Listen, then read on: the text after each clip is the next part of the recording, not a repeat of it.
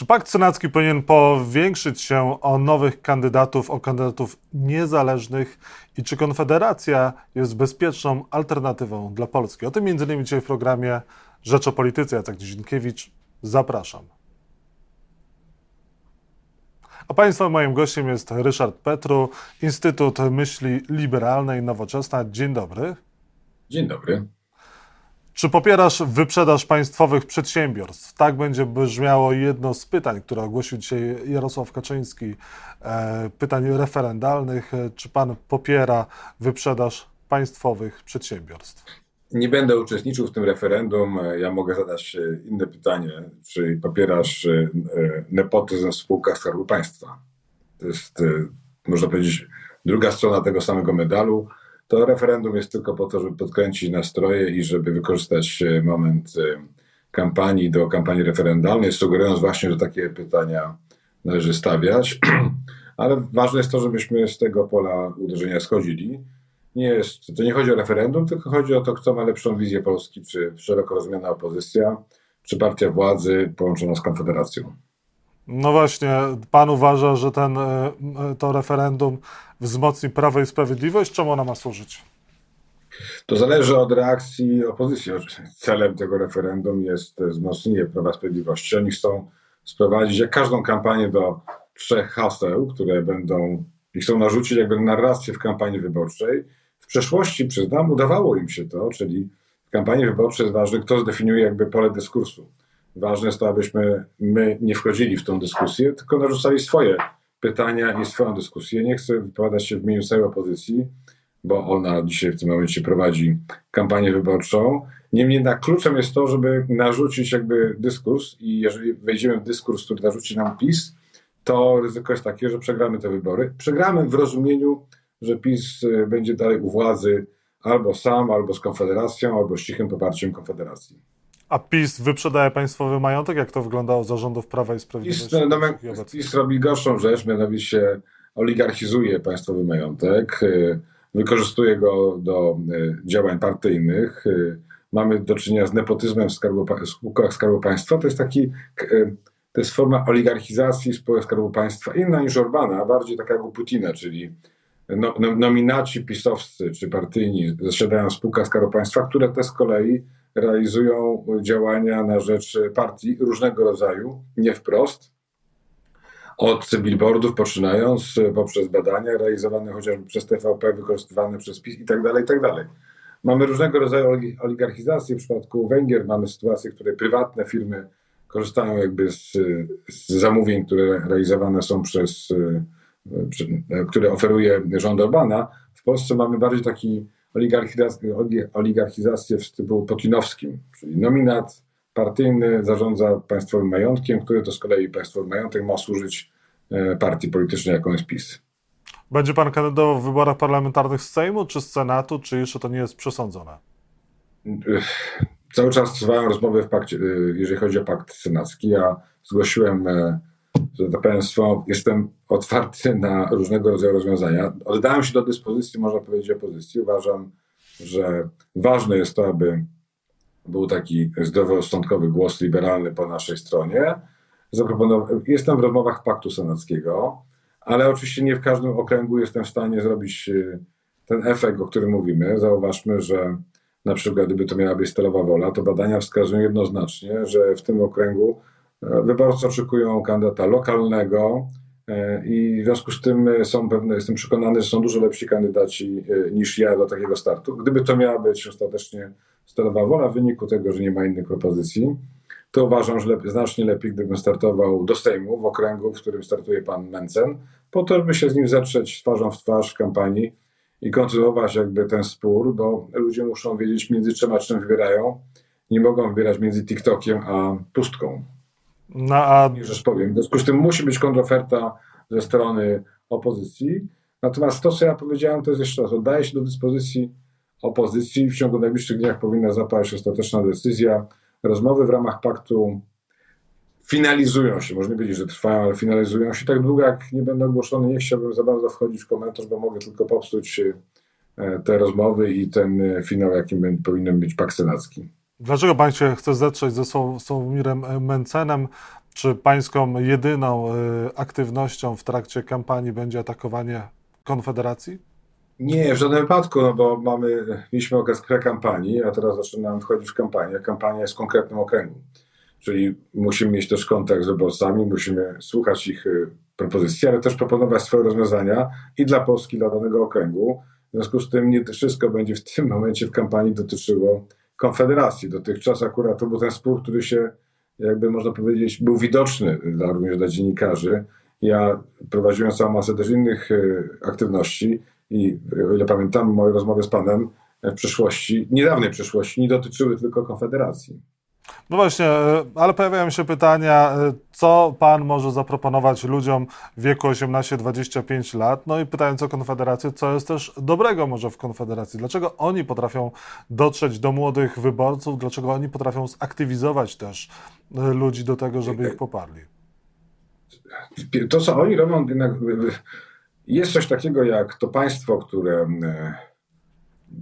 niby było przyczyną kryzysu w 2008 roku, okazało się przyczyną kryzysu w ostatnim e, roku, czy w ostatnich dwóch latach, czyli wysoka bardzo inflacja i spowolnienie gospodarcze. Tak? To w wyniku działania państwa, za dużo pieniędzy na rynku, eksplozja inflacji, za duże tarcze covidowe i tak dalej, błędy w okresie covidu. I ci młodzi ludzie chcą mieć takiego, mieć bardziej ofertę wolnorynkową i to uważam, nie jestem tym zaskoczony. To, co jest problemem, to to, że ta wolnorynkowa oferta wobec Konfederacji jest nieprawdziwa, niepoliczona, często jest y, kłamstwem albo żartem i to trzeba zneutralizować, pokazać to. Ludzie młodzi mają prawo wiedzieć, na czym polega prawdziwy wybór, a nie mieć na wrażeniu. Pamiętajmy jedną rzecz. Ta grupa elektoratu często deklaruje chęć głosowania, ale dosyć często również nie pojawia się na wyborach. Jest najmniej zmobilizowana, jeżeli chodzi o moment wyborczy grupą i dlatego uważam, że łatwo ich relatywnie przekonać do szeroko rozumianej opozycji. Nie chcę mówić konkretnej, konkretnej partii, ale to jest najłatwiejsza forma przejęcia kilku procent, które według dzisiejszych sondaży mogą dać wygraną opozycji albo wygraną e, Konfederacji z PiSem.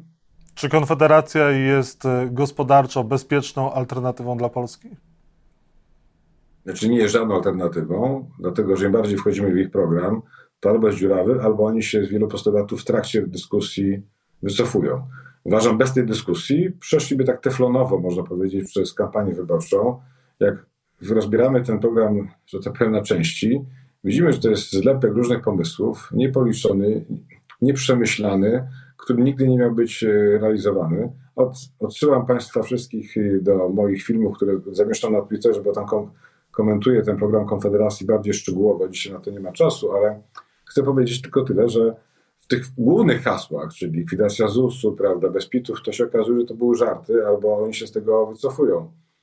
Ta słynna wypowiedź pana Mencena sprzed lat, że wiejska baba może naprawiać ręce, w związku z tym nie trzeba chodzić do szpitala, czyli prywatne ubezpieczenia zdrowotne wyłącznie, nie, nie dodatkowo, tylko wyłącznie, też się z tego wycofuje, bo w mojej rozmowie z nim już proponował system, który w sumie ja proponuję, czyli różni płatnicy, rozbicie monopolu e, NFZ i różni płatnicy dbają o, zabiegają o, o klientów czy o pacjentów, w ramach powszechnego systemu.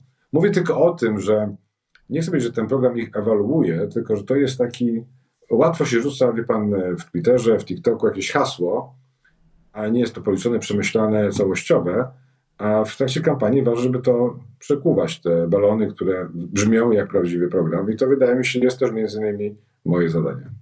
Pan Maciek pyta, to co Ryszard Petru mówi w tematach gospodarczych mocno pasuje do przekazu na przykład Polski 2050, wprowadzenie euro, większe nakłady na edukację zamiast 800+. Plus. Czy w takim razie widziałby siebie jako kandydata do Sejmu z list trzeciej drogi? I pan, nie chciałbym wchodzić w żadne dyskusje. Y, jestem członkiem Nowoczesnej, która jest w Koalicji Obywatelskiej, ale na przykład Pakt Senacki jest y, formułą dogadywania się wszystkich y, partii. W związku z tym w ogóle nie chciałbym wchodzić na tym poziomie, na tym etapie dyskusji z której listy. Ja powiedziałem, że żeby pan, żeby to pan dobrze odebrał, to są dywagacje, czyli gdybym miał już startować wyłącznie stalowej woli, to znacznie lepiej byłoby dla opozycji i dla mnie startować w miejscu, gdzie startuje pan Mencen, po to, żeby można było zetrzeć się z nim w kampanii wyborczej w najbliższych 60 dniach. Nie chcę wchodzić w szczegóły, to jest ogólna propozycja, nieoperacyjna. Może z niej nie, nie wejść, chodzi, nie wyjść. Chodzi tylko o to, że ja oddaję się do dyspozycji opozycji, ale te decyzje muszą zapaść w ciągu najbliższych dni. Pan Maryś pyta, wszystkie partie w krajach zachodnich Unii Europejskiej od wielu lat akceptują programy socjalne i nawzajem to państwo yy, i, i nazywają to państwem opiekuńczym. Czy rząd w Polsce powinien prowadzić podobną politykę socjalną krajów zachodnich Unii Europejskiej, czy ją całkowicie odrzucić? Diabeł tkwi w szczegółach.